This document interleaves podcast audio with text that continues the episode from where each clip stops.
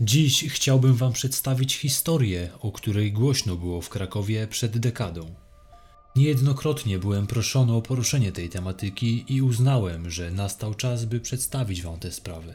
Zapraszam na podcast Mrożące Krew. Jeżeli podoba Ci się moja twórczość, koniecznie daj znać w komentarzach.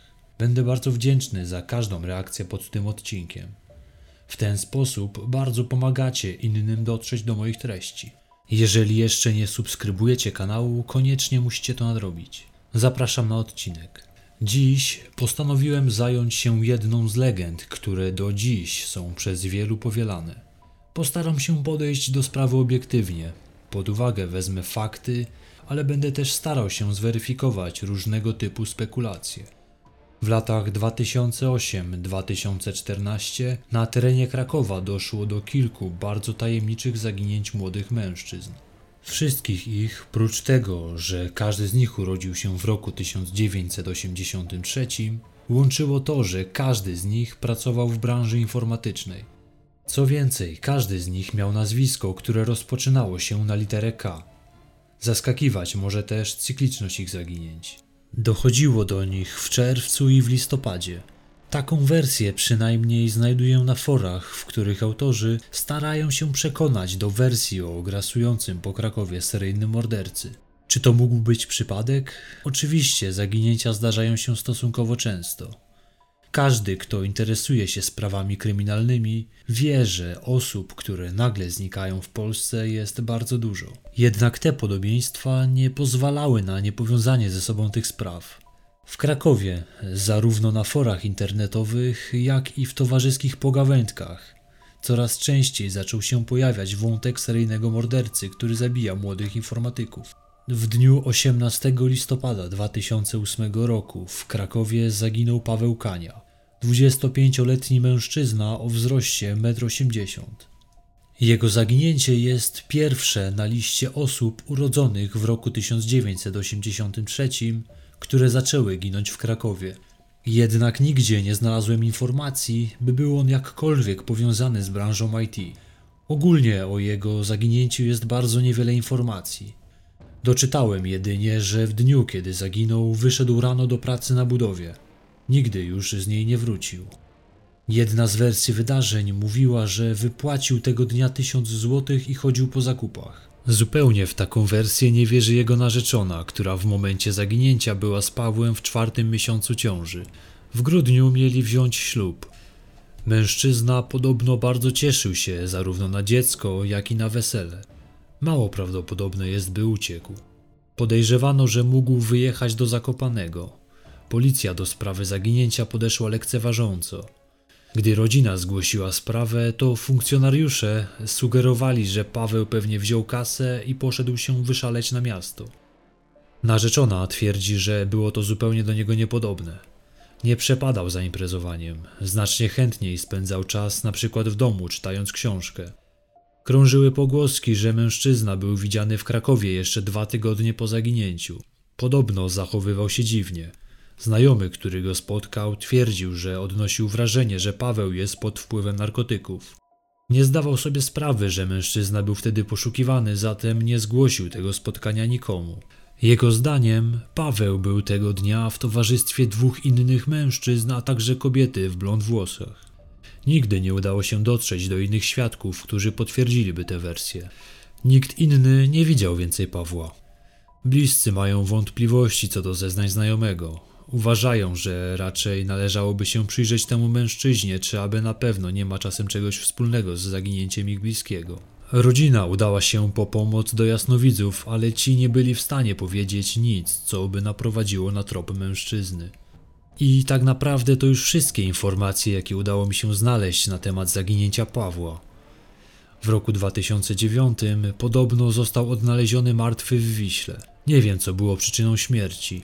Informacja o jego śmierci tak naprawdę nie została potwierdzona w żadnym artykule, więc nie mogę nawet uznać jej za pewnik. Nigdzie w internecie nie dokopałem się do wiarygodnych źródeł, które by mówiły coś na ten temat. Oczywiście nie mogę tutaj uwzględniać pojedynczych wzmianek na forach, gdzie ktoś wspomina, że Paweł został zamordowany.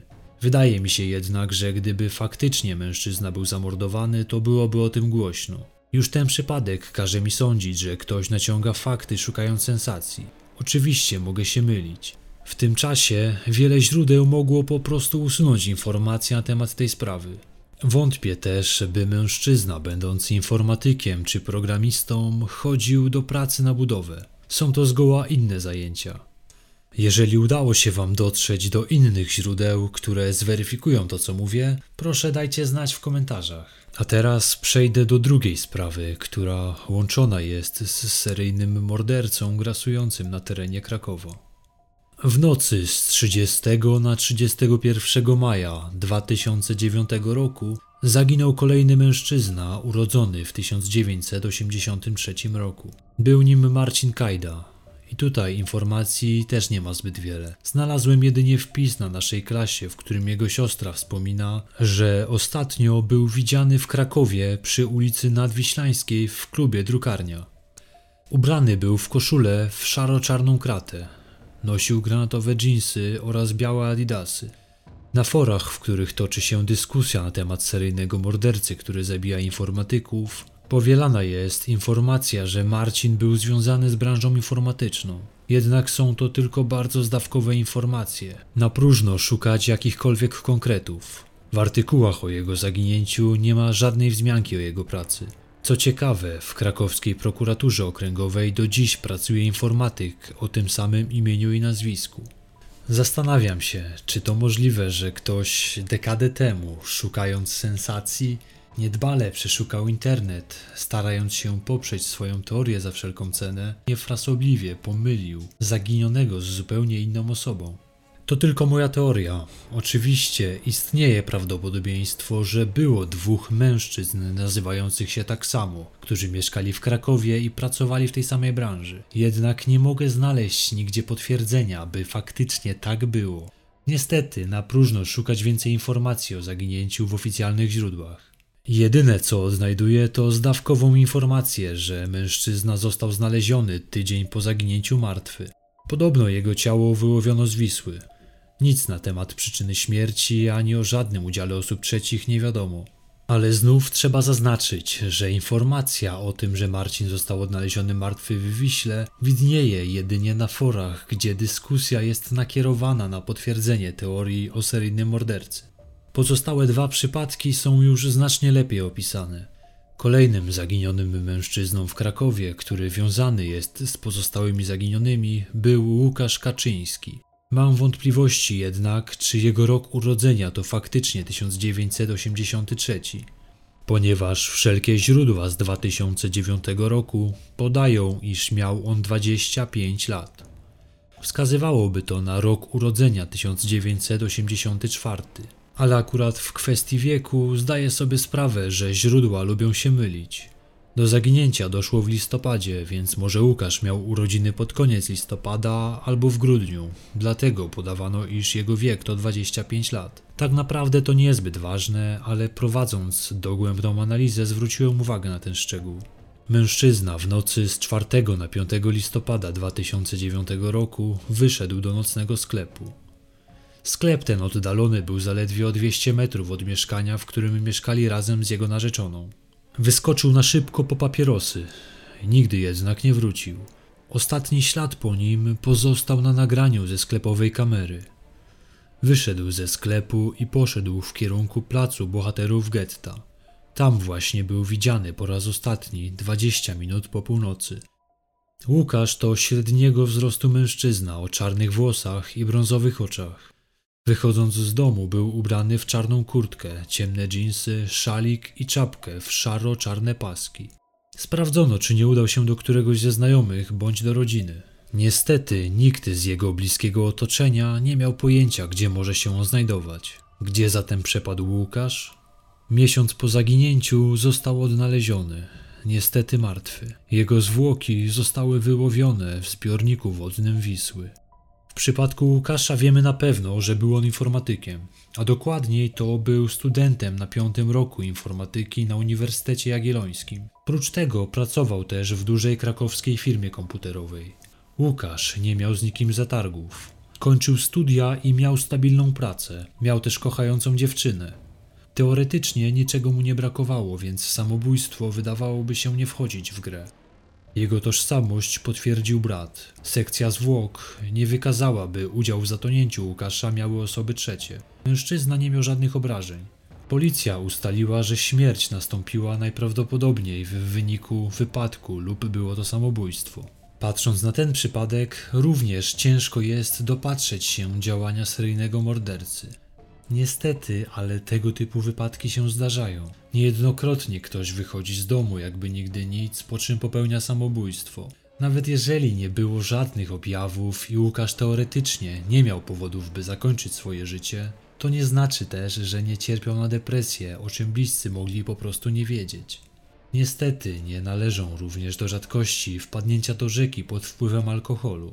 Dużo bardziej prawdopodobna wydaje mi się wersja, że sprawdził się tutaj jeden z tych scenariuszy, aniżeli to, że seryjny morderca zabija swoje ofiary, nie zadając im żadnych obrażeń. Chyba, że policja zataja jakieś informacje dotyczące obrażeń na ciele zmarłego. Ostatnia z dzisiejszych czterech historii jest zdecydowanie najgłośniejszą sprawą, i to chyba po jej nagłośnieniu zaczęto szukać powiązań pomiędzy pozostałymi zgonami. Dotychczas nikt nie łączył ich w jedno. W czerwcu 2011 roku, a dokładniej 9 czerwca, w Krakowie zaginął kolejny młody mężczyzna. Był to Paweł Krasny, młody informatyk pochodzący z małej miejscowości Kulno pod Leżajskiem. Mężczyzna miał około 1,70 m wzrostu. Znakiem szczególnym Pawła była niewielka blizna na wardze. W dniu zaginięcia ubrany był w ciemno-niebieską koszulę z nadrukiem, ciemną, rozpinaną bluzę oraz niebieskie dżinsy. W taki sposób opisany został w ogłoszeniu proszącym o kontakt osoby, które widziały zaginionego mężczyznę. Paweł był bardzo zdolnym, młodym człowiekiem. Od wczesnych czasów szkolnych wykazywał się ponadprzeciętnymi umiejętnościami w zakresie informatyki. Choć dorastał w latach 90., kiedy to komputer był prawdziwym rarytasem, to rodzice kupili Pawłowi jego własnego peceta. Po to, by mógł on rozwijać swoją pasję, która towarzyszyć miała mu przez resztę życia. Z nauką nie miał żadnych problemów. Ukończył szkołę średnią ze wspaniałymi wynikami. Przez studia również szedł jak burza. Świat stał przed nim otworem. W 2011 roku miał 28 lat. Zatem urodził się w roku 1983, tak jak pozostali zaginieni mężczyźni. Mieszkał w Krakowie przy ulicy Skarżyńskiego wraz ze swoim współlokatorem. 9 czerwca zdał trudny egzamin z oprogramowania informatycznego. Był to dla niego ogromny sukces. Świętować jednak nie zamierzał. Nazajutrz miał wstać do pracy. W rozmowie telefonicznej z siostrą Anią powiedział, że nie ma zamiaru nigdzie opijać ważnego egzaminu. Kolejny dzień miał przynieść kolejne wyzwania, zatem musi się wyspać, by być gotowym do działania. Wieczorem jednak z niewiadomych przyczyn zmienił zdanie. Około godziny 20 po telefonicznej rozmowie z przyjacielem wyszedł z wynajmowanego mieszkania, by na głównym rynku spotkać się ze swoimi znajomymi. Było to dość nieoczekiwane i najprawdopodobniej nagłe wyjście. Świadczyć może o tym fakt, że współlokator nie zorientował się nawet, że Pawła nie ma w mieszkaniu. Co więcej, nie wyłączył on komputera i zostawił niedopitą herbatę. Tego dnia mężczyzna zachowywał się nietypowo dla siebie. Udali się do klubu. Niespodziewanie Paweł wyszedł nagle z klubu, podczas gdy reszta miała w planach zostać znacznie dłużej. Jednak ktoś ze znajomych wybiegł za nim, ponieważ zostawił on wewnątrz klubu portfel.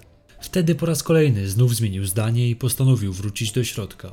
W dowód wdzięczności dla znajomych za oddanie mu portfela postawił wszystkim piwo. Potem wszyscy zostali w klubie, bawiąc się na imprezie do godziny pierwszej w nocy. Po spotkaniu znajomi rozeszli się w swoją stronę. Paweł z parą znajomych udał się w kierunku przystanku autobusowego. Tam rozdzielili się. Postanowił wrócić taksówką. Udał się na oddalony o 600 metrów postój dla taksówek. Para znajomych czekała na autobus. Kobieta wsiadła do środka, a mężczyzna poszedł w tym samym kierunku co Paweł. Niestety już go nie dogonił. Nie zaniepokoiło go to jednak zbyt bardzo. Stwierdził, że ten najpewniej złapał po drodze taksówkę i już jest w drodze do domu. Niestety Paweł nie dotarł na postój taksówek, ani też nie wsiadł do żadnej innej po drodze. Od tego momentu ślad po nim zaginął. Nazajutrz okazało się, że Paweł nie wrócił do mieszkania. Współlokator co prawda zdziwił się, że go nie ma, jednak bądźmy szczerzy, on był już dorosły i miał prawo zostać na noc gdzieś, nie informując o tym kolegi.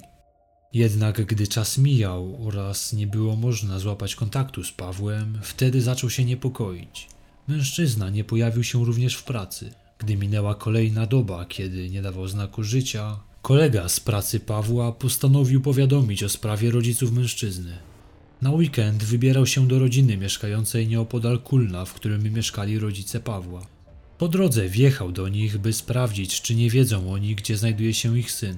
Zszokowana matka niezwłocznie zgłosiła sprawę na policję. W poszukiwania włącza się rodzina i znajomi. Po całym Krakowie porozwieszano plakaty z wizerunkiem Pawła. Wrócono na miejsce, gdzie był widziany po raz ostatni i przeprowadzono wywiad środowiskowy. Niestety kierowcy taksówek go nie widzieli. Miejski monitoring nigdzie nie zarejestrował sylwetki mężczyzny. Ostatni ślad z zapisu kamer urywa się przy przystanku, gdzie rozstali się ze znajomymi. Zepsuty podczas imprezy telefon nie wykazywał miejsc logowania. W trakcie zabawy telefon upadł na ziemię i uległ rozbiciu. Śledczy zaangażowali do poszukiwań psy tropiące. Oprócz tego helikopter sprawdzali wiele wątków. Przeszukano komputer mężczyzny, licząc, że tam znajdzie się odpowiedź na pytanie, dlaczego Paweł zniknął. Nic jednak przydatnego nie znaleziono. Badano również wątek, który mówił, jakoby mężczyzna uciekł do Anglii. Jednak nigdzie nie znaleziono śladów, które by na to wskazywały. Nie było żadnych danych zapisanych na komputerze, które wskazywałyby na chęć wyjazdu za granicę. Również połączenia telefoniczne wykonywane w ostatnim czasie nie potwierdzały teorii, jakoby Paweł chciał wyjechać. Zresztą nie miał powodów, by uciekać. Niestety ślad jednak po nim zaginął. Rodzice wykluczyli opcję, jakoby Paweł miał popełnić samobójstwo. W jego życiu układało się dobrze. Miał plany na przyszłość, która stała przed nim otworem. Chciał się dalej kształcić na studiach podyplomowych. Miał w planach kupić mieszkanie, założyć własną firmę. Nic nie wskazywałoby na to, że ma on problemy, z którymi nie jest w stanie się uporać. Śledczy odrzucili możliwość, by mógł targnąć się na swoje życie.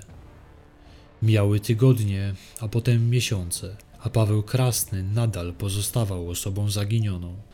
Organy ścigania ze względu na brak jakichkolwiek tropów świadczących o świadomej ucieczce mężczyzny zaczęły prowadzić śledztwo w sprawie popełnienia zabójstwa. W nocy poprzedzającej zaginięcie Krasnego pod drzwi młodego mężczyzny zapukała jego była dziewczyna. Paweł nie wpuścił jej do środka. Po kilku dniach od tej wizyty dziewczyna wyjechała do Anglii. Tam nieoczekiwanie zmarła. Śledczy nie zdążyli jej przesłuchać. Siostra Pawła twierdzi, że okoliczności jej śmierci są niejasne.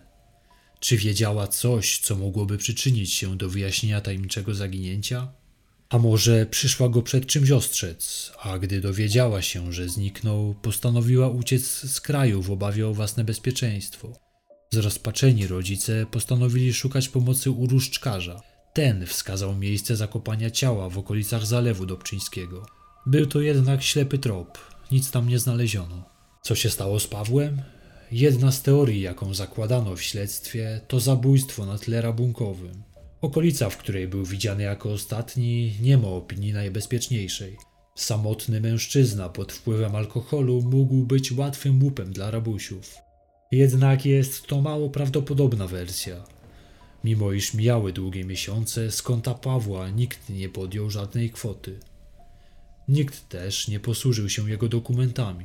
Gdyby faktycznie rabunek był przyczyną zaginięcia, z pewnością ktoś wydobyłby pieniądze z konta programisty. Zresztą napady rabunkowe nie cechują się starannością w ukryciu zwłok. Są to zazwyczaj brutalne, szybkie ataki nastawione na kradzież i szybką ucieczkę. W takim przypadku ciało zostałoby porzucone gdziekolwiek. Tak z pewnością nie było tym razem. Kolejna wersja wydarzeń, która była brana pod uwagę, to wypadek samochodowy, w wyniku którego Paweł stracił życie. Przestraszony kierowca miałby zabrać ciało i ukryć je tak, by nikt go nie odnalazł. Niestety nie było żadnych śladów, które mogłyby przybliżyć śledczych do przychylenia się ku którejś z tych teorii. W internecie w tym czasie zawrzało. Internauci zaczęli łączyć dotychczasowe zaginięcia z nagłym zniknięciem Pawła. Wtedy właśnie pojawiła się teoria, że ktoś zabija młodych mężczyzn pracujących w branży informatycznej na terenie Krakowa. Czyżby faktycznie na terenie stolicy Małopolski pojawił się seryjny morderca? Był to z pewnością temat, który rozgrzał do czerwoności wyobraźni wielu ludzi. Seryjni mordercy od lat wzbudzają strach, ale i fascynację na całym świecie.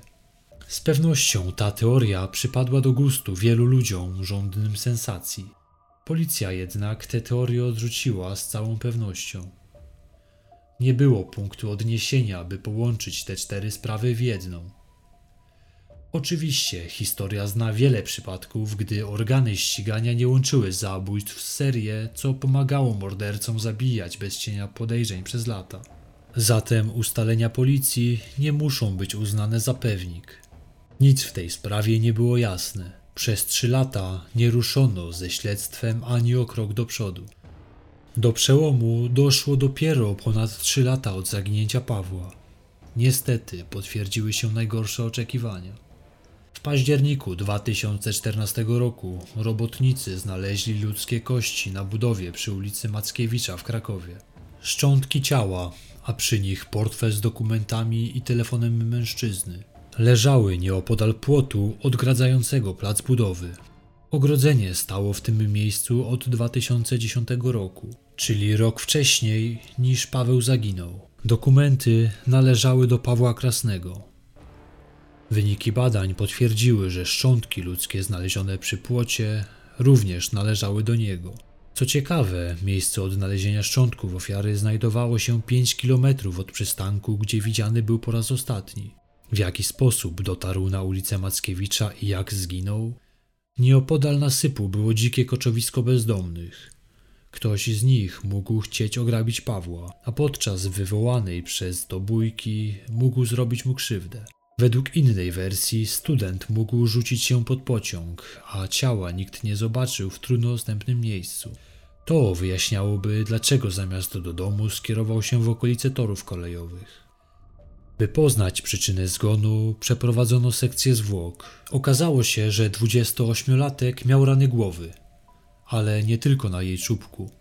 Miał też zapadnięty oczodół, do tego złamane ręce, pogruchotaną miednicę oraz pęknięty mostek. Rodzina Pawła pokazała te obrażenia lekarzowi. Ten stwierdził, że musiały one powstać w wyniku katowania.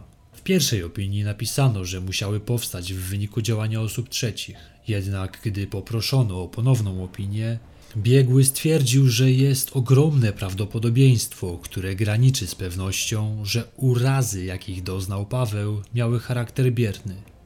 Oznacza to, że nie powstały one w wyniku działania osób trzecich. Z opinii wynika więc, że Paweł Krasny najprawdopodobniej przewrócił się, stąd pojawiły się obrażenia głowy. Skąd jednak pozostały obrażenia? Tego nie potrafiono wyjaśnić. Wykluczono też wypadek kolejowy, gdyż w nocy, gdy mężczyzna zaginął, nie kursowały tą trasą żadne pociągi. Ustalono kierowców autobusów. Zostali oni przesłuchani.